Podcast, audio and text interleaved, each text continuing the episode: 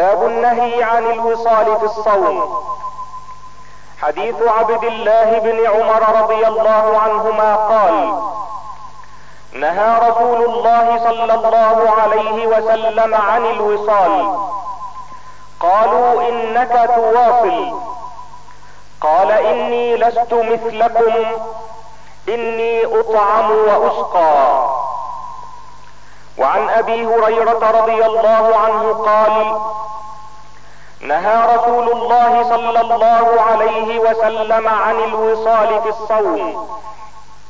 فقال له رجل من المسلمين إنك تواصل يا رسول الله.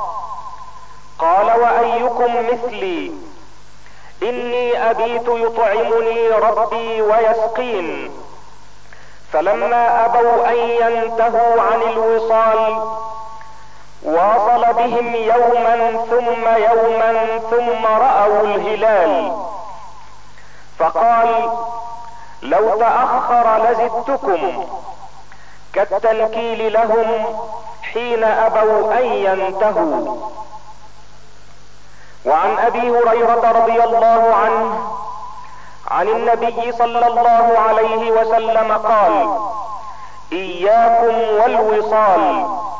مرتين. قيل إنك تواصل. قال إني أبيت يطعمني ربي ويسقين. فاكلفوا من العمل ما تطيقون. وعن أنس رضي الله عنه قال واصل النبي صلى الله عليه وسلم آخر الشهر. وواصل أناس من الناس. فبلغ النبي صلى الله عليه وسلم فقال لو مد بي الشهر لواصلت وصالا يدع المتعمقون تعمقهم. إني لست مثلكم.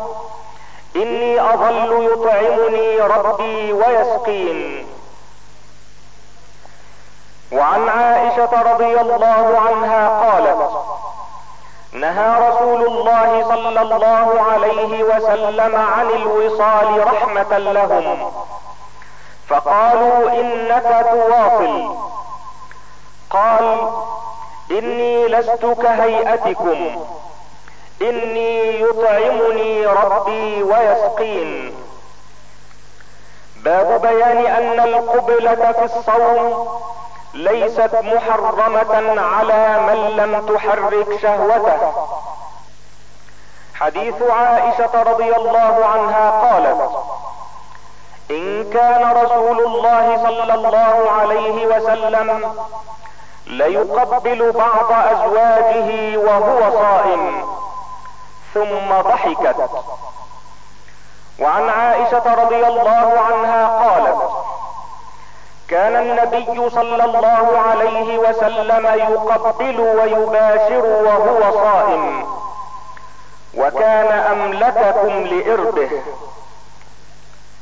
باب صحة صوم من طلع عليه الفجر وهو جنب. حديث عائشة وأم سلمة رضي الله عنهما. عن أبي بكر بن عبد الرحمن بن الحارث بن هشام رضي الله عنه أن أباه عبد الرحمن أخبر مروان أن عائشة وأم سلمة اخبرتاه أن رسول الله صلى الله عليه وسلم كان يدركه الفجر وهو جنب من أهله ثم يغتسل ويصوم. فقال مروان لعبد الرحمن بن الحارث أقسم بالله لتقرعن بها أبا هريرة. ومروان يومئذ على المدينة. فقال أبو بكر فكره ذلك عبد الرحمن.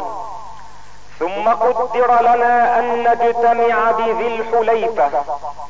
وكانت لأبي هريرة هنالك أرض. فقال عبد الرحمن لأبي هريرة إني ذاكر لك أمرا ولولا مروان أقسم علي فيه لم أذكره لك.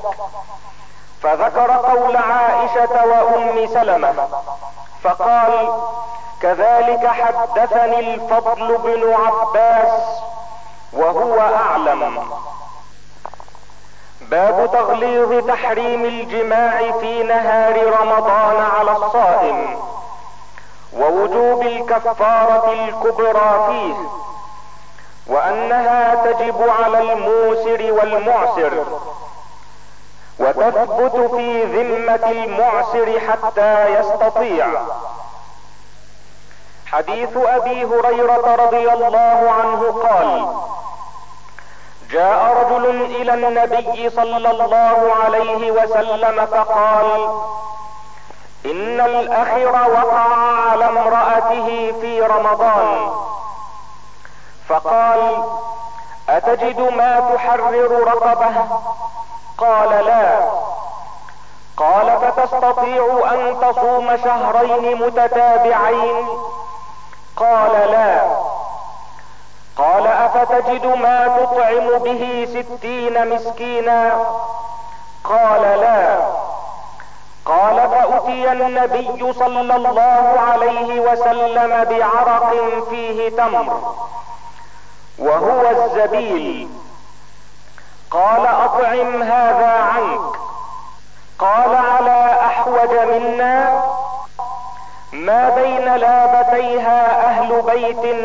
احوج منا. قال فاطعمه اهلك.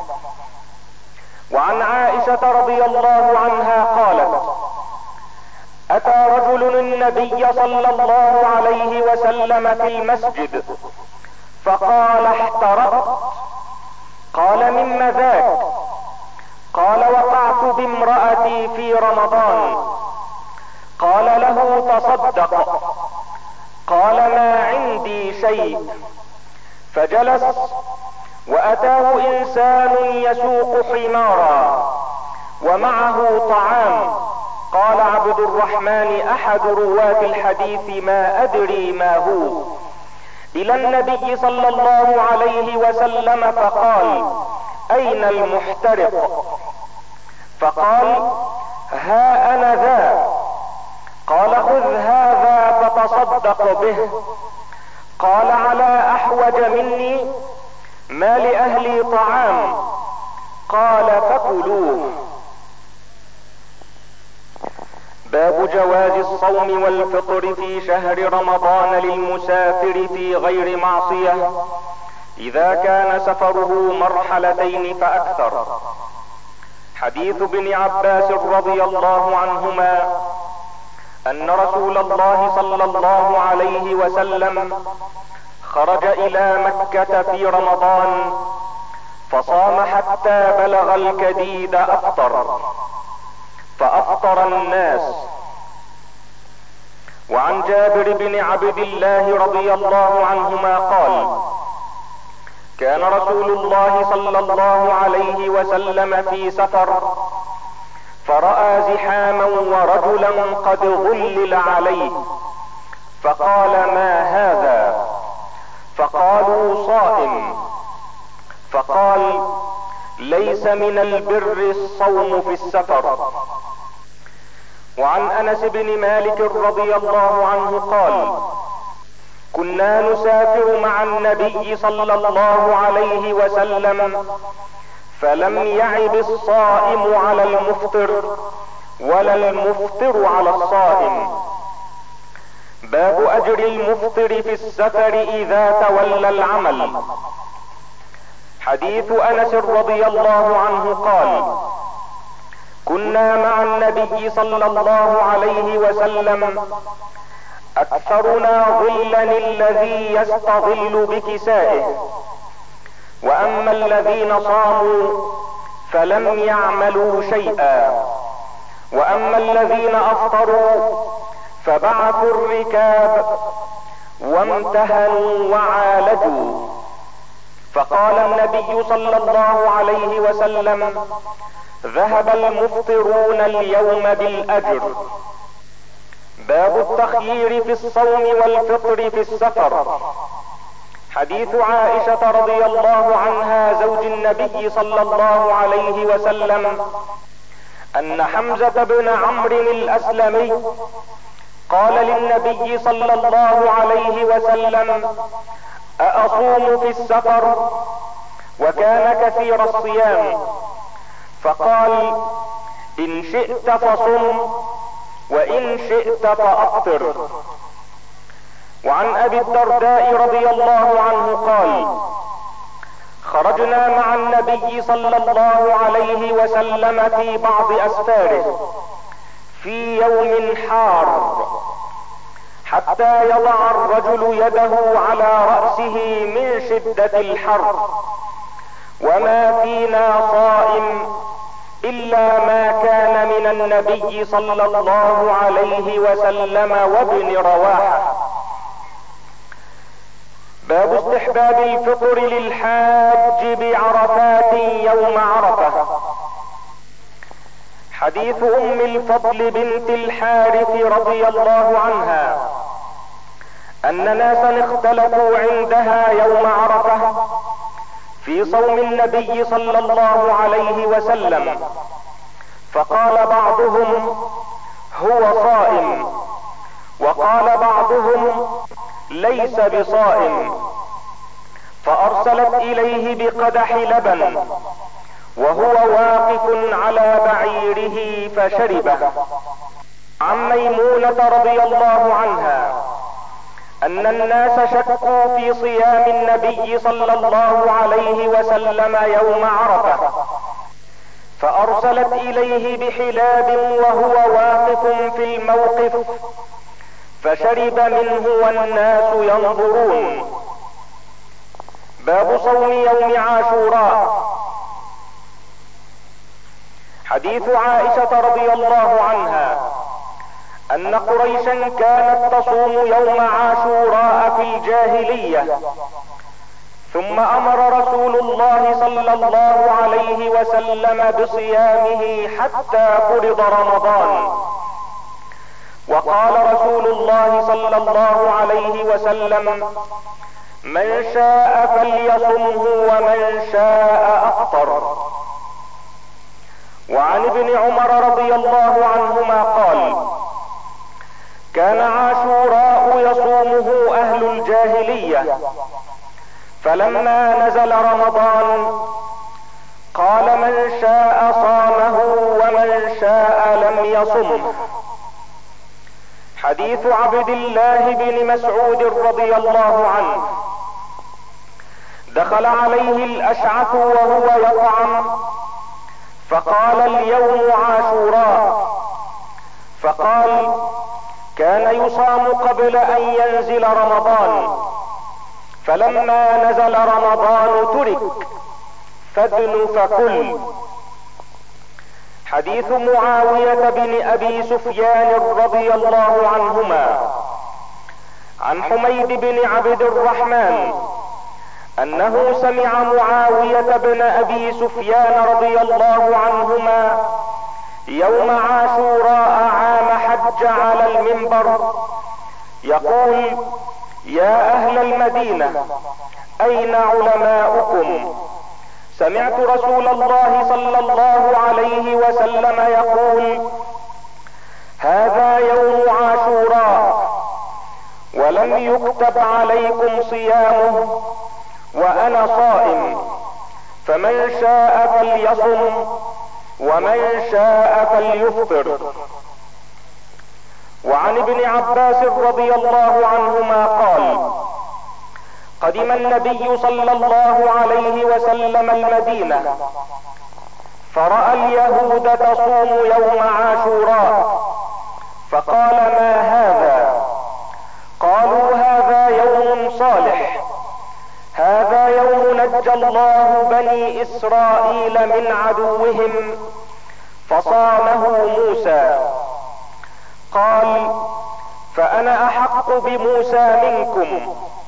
فصامه وأمر بصيامه. وعن أبي موسى رضي الله عنه قال كان يوم عاشوراء تعده اليهود عيدا. قال النبي صلى الله عليه وسلم فصوموه أنتم. وعن ابن عباس رضي الله عنهما قال ما رأيت النبي صلى الله عليه وسلم يتحرى صيام يوم فضله على غيره إلا هذا اليوم يوم عاشوراء وهذا الشهر يعني شهر رمضان. باب من أكل في عاشوراء فليكف بقية يومه. حديث سلمة بن الأكوع رضي الله عنه أن النبي صلى الله عليه وسلم بعث رجلا ينادي في الناس يوم عاشوراء أن من أكل فليتم أو فليصم ومن لم يأكل فلا يأكل. وعن الربيع بنت معوذ رضي الله عنها قالت أرسل النبي صلى الله عليه وسلم غداة عاشوراء إلى قرى الأنصار. من أصبح مفطرا فليتم بقية يومه ومن أصبح صائما فليصم.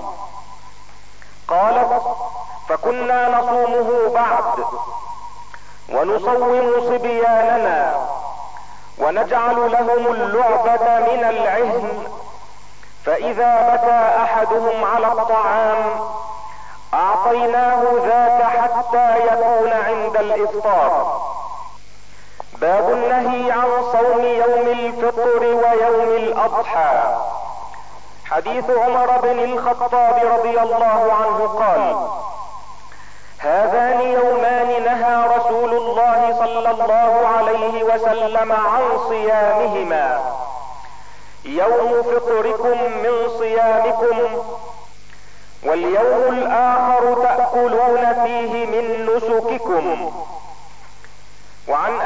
سعيد الخدري رضي الله عنه عن النبي صلى الله عليه وسلم قال ولا صوم في يومين الفطر والأضحى. حديث ابن عمر رضي الله عنهما.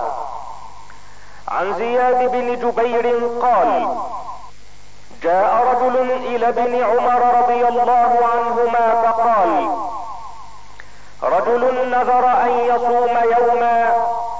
قال أظنه قال الاثنين فوافق يوم عيد. فقال ابن عمر أمر الله بوفاء النذر. ونهى النبي صلى الله عليه وسلم عن صوم هذا اليوم. باب كراهة صيام الجمعة منفردا. حديث جابر رضي الله عنه. عن محمد بن عباد قال سألت جابرا رضي الله عنه نهى النبي صلى الله عليه وسلم عن صوم يوم الجمعة قال نعم. وعن أبي هريرة رضي الله عنه قال سمعت النبي صلى الله عليه وسلم يقول لا يصومن أحدكم يوم الجمعة إلا يوما قبله أو بعده. باب بيان نسخ قوله تعالى وعلى الذين يطيقونه فدية. بقوله فمن شهد منكم الشهر فليصمه حديث سلمة رضي الله عنه قال لما نزلت وعلى الذين يطيقونه فدية طعام مسكين.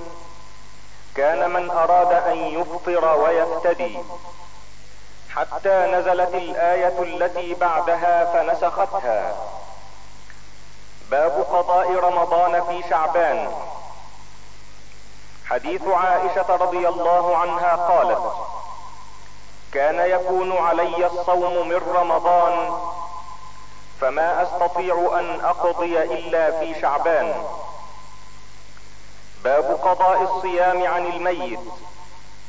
حديث عائشة رضي الله عنها أن رسول الله صلى الله عليه وسلم قال من مات وعليه صيام صام عنه وليه.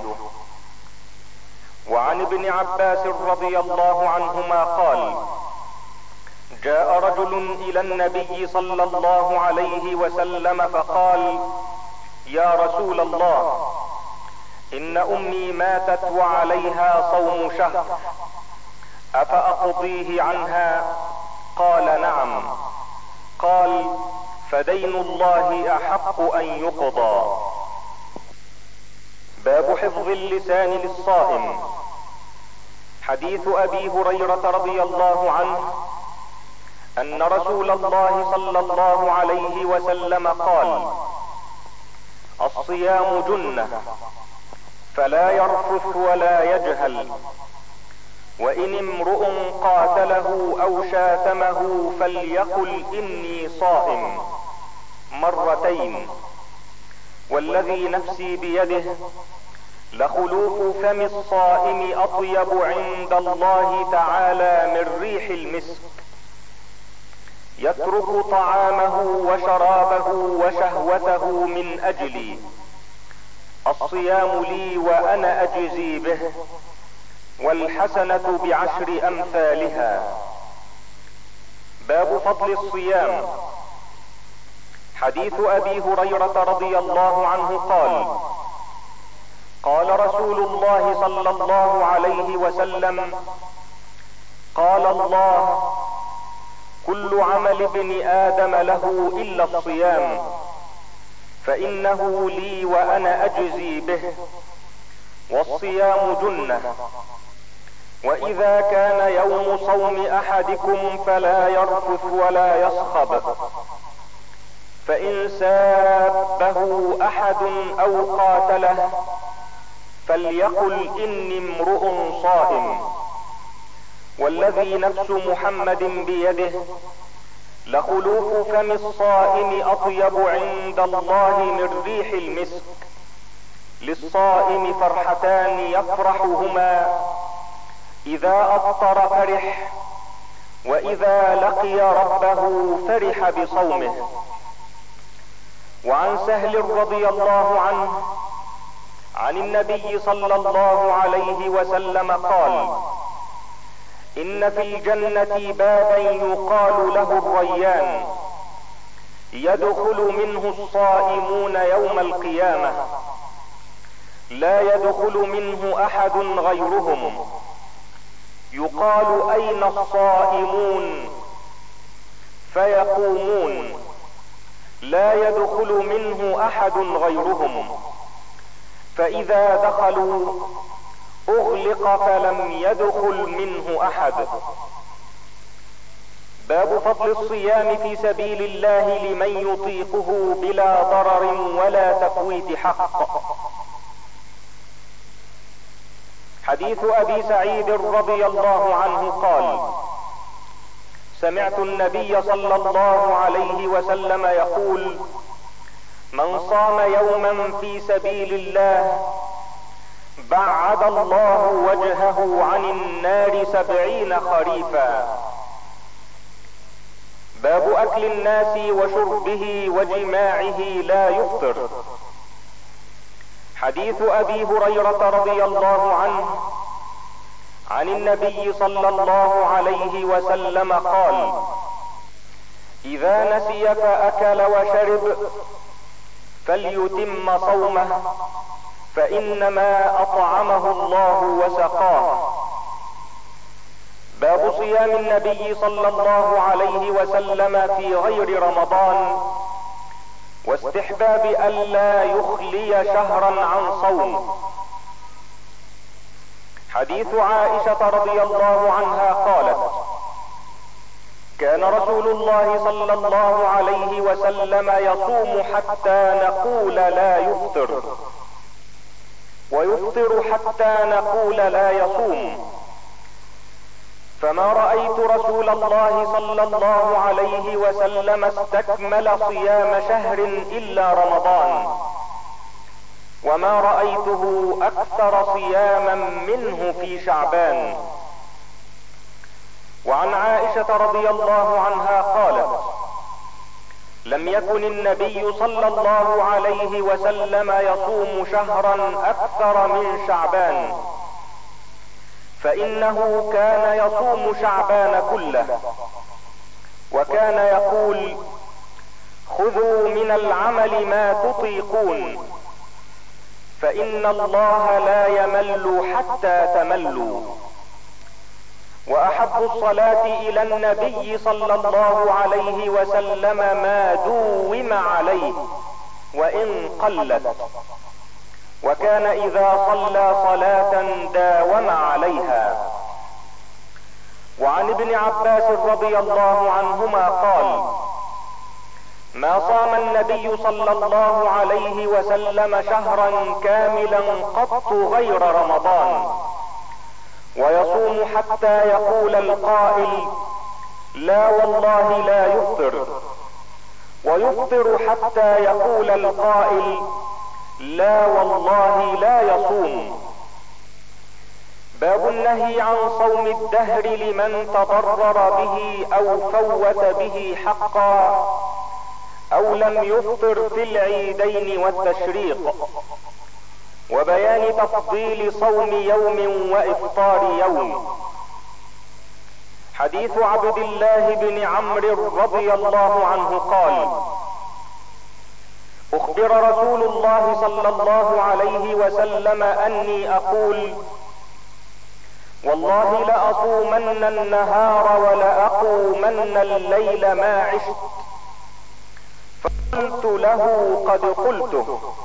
بأبي أنت وأمي. قال فإنك لا تستطيع ذلك. فصم وأفطر وقم ونم وصم من الشهر ثلاثة أيام فإن الحسنة بعشر أمثالها وذلك مثل صيام الدهر. قلت إني أطيق أفضل من ذلك. قال فصم يوما وأفطر يومين. قلت إني أطيق أفضل من ذلك. قال فصم يوما وأفطر يوما. فذلك صيام داود عليه السلام وهو أفضل الصيام. فقلت إني أطيق أفضل من ذلك.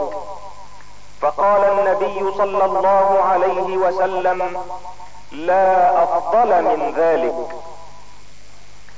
وعن عبد الله بن عمرو بن العاص رضي الله عنهما قال قال لي رسول الله صلى الله عليه وسلم يا عبد الله ألم أخبر أنك تصوم النهار وتقوم الليل؟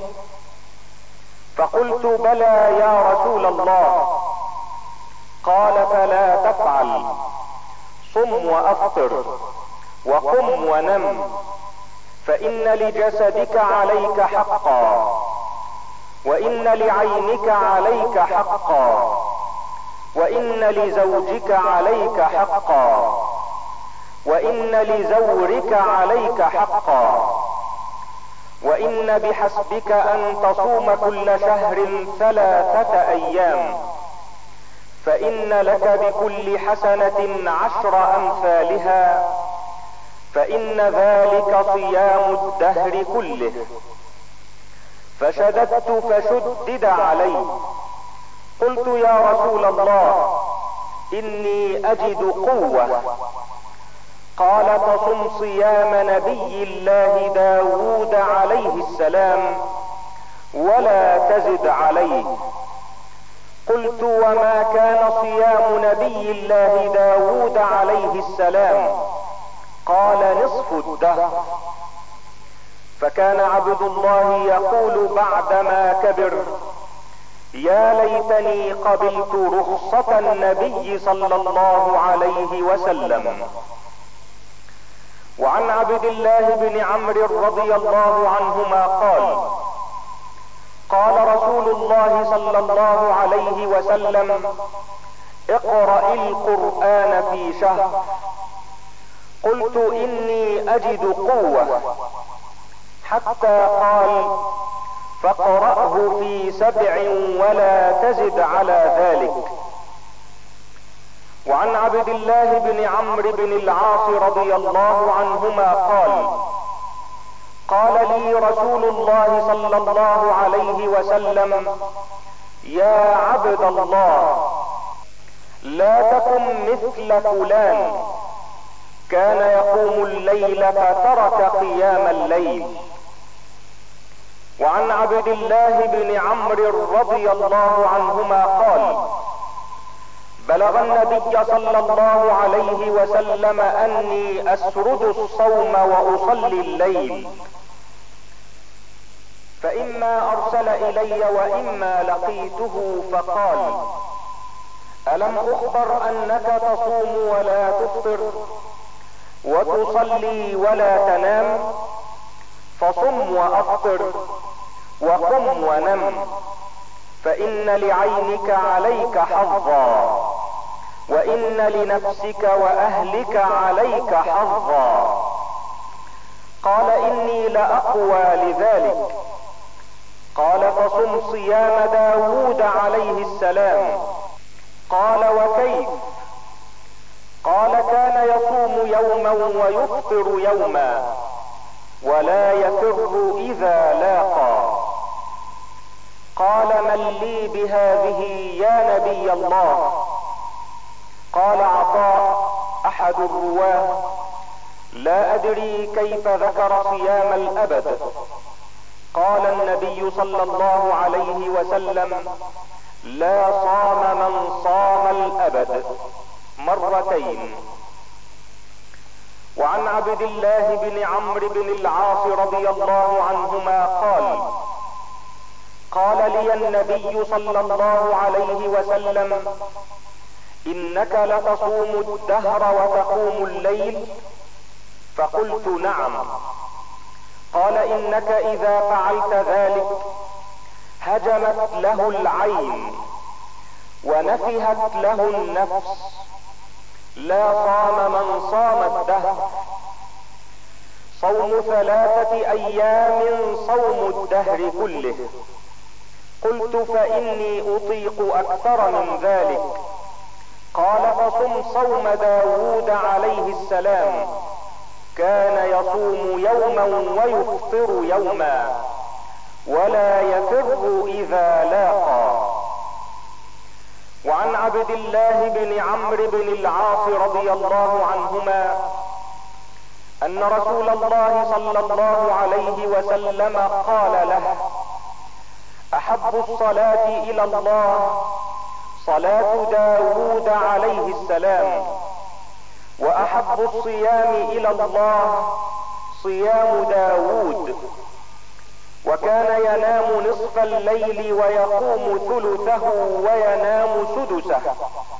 ويصوم يوما ويفطر يوما. حديث عبد الله بن عمرو رضي الله عنهما. حدث أن رسول الله صلى الله عليه وسلم ذكر له صومي. فدخل علي فألقيت له وسادة من أدم حشوها ليف فجلس على الأرض وصارت الوسادة بيني وبينه فقال أما يكفيك من كل شهر ثلاثة أيام؟ قال قلت يا رسول الله.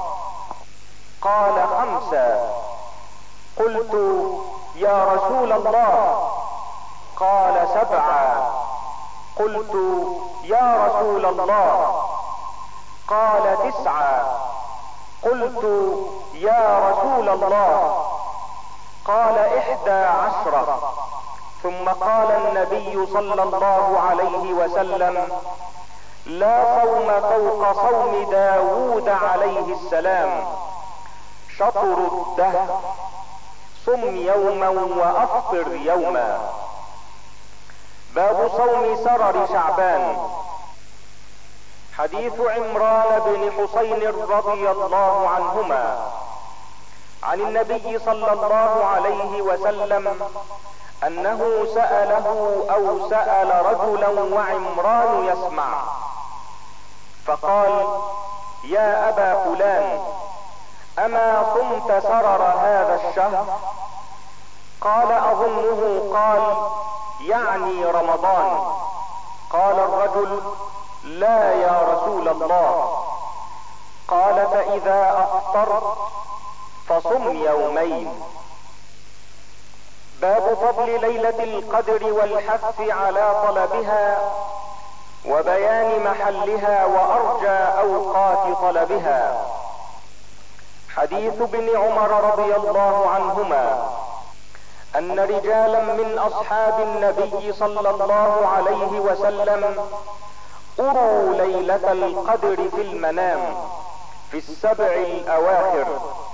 فقال رسول الله صلى الله عليه وسلم أرى رؤياكم قد تواطأت في السبع الأواخر فمن كان متحريها فليتحرها في السبع الأواخر.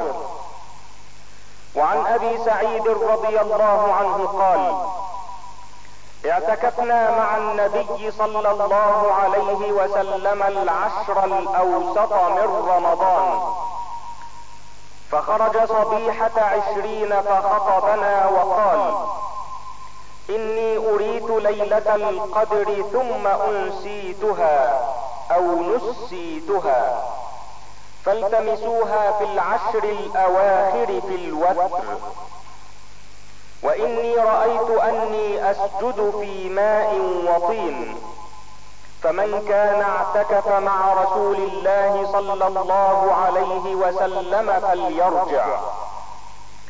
فرجعنا وما نرى في السماء قزعة.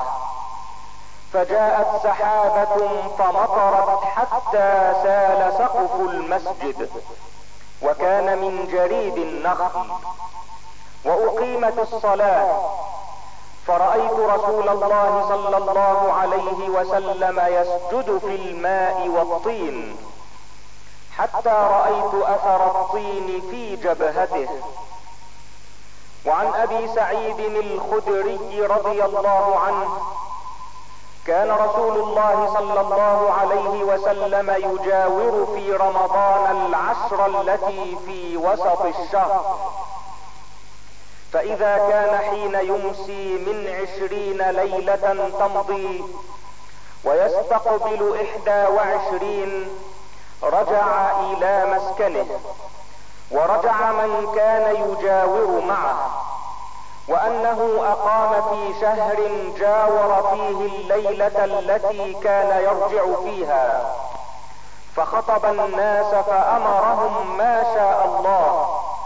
ثم قال كنت أجاور هذه العشر.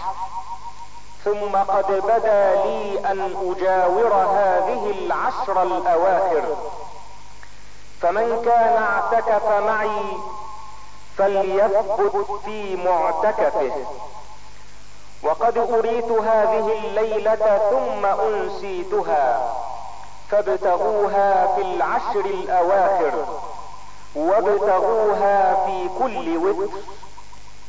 وقد رأيتني أسجد في ماء وطين فاستهلت السماء في تلك الليلة فأمطرت.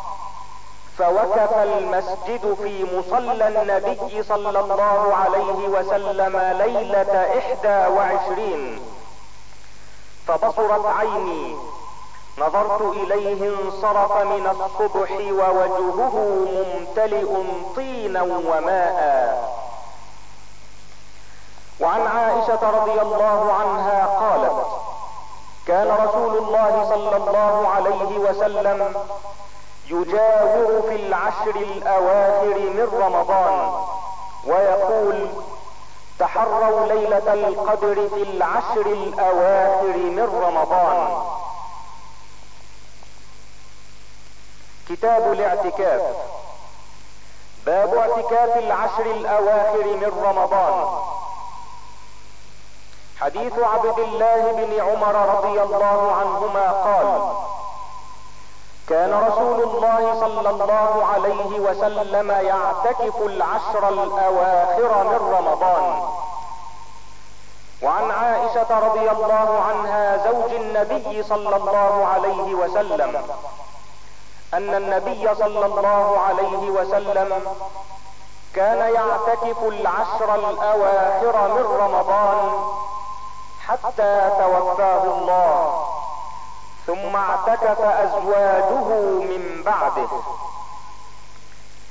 باب متى يدخل من أراد الاعتكاف في معتكفه.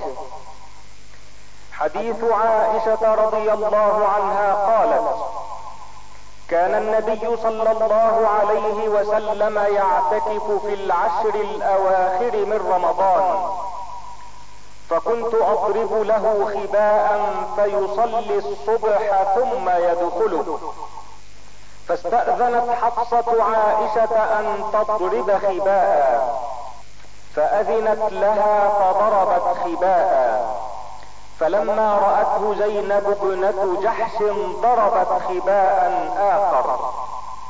فلما أصبح النبي صلى الله عليه وسلم رأى الاخبية فقال ما هذا؟ فأخبر.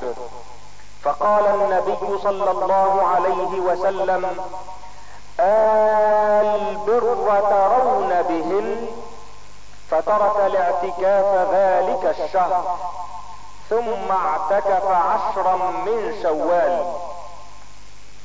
باب الاجتهاد في العشر الأواخر من شهر رمضان. حديث عائشة رضي الله عنها قالت كان النبي صلى الله عليه وسلم إذا دخل العشر شد مئزرة وأحيا ليلة وأيقظ أهله.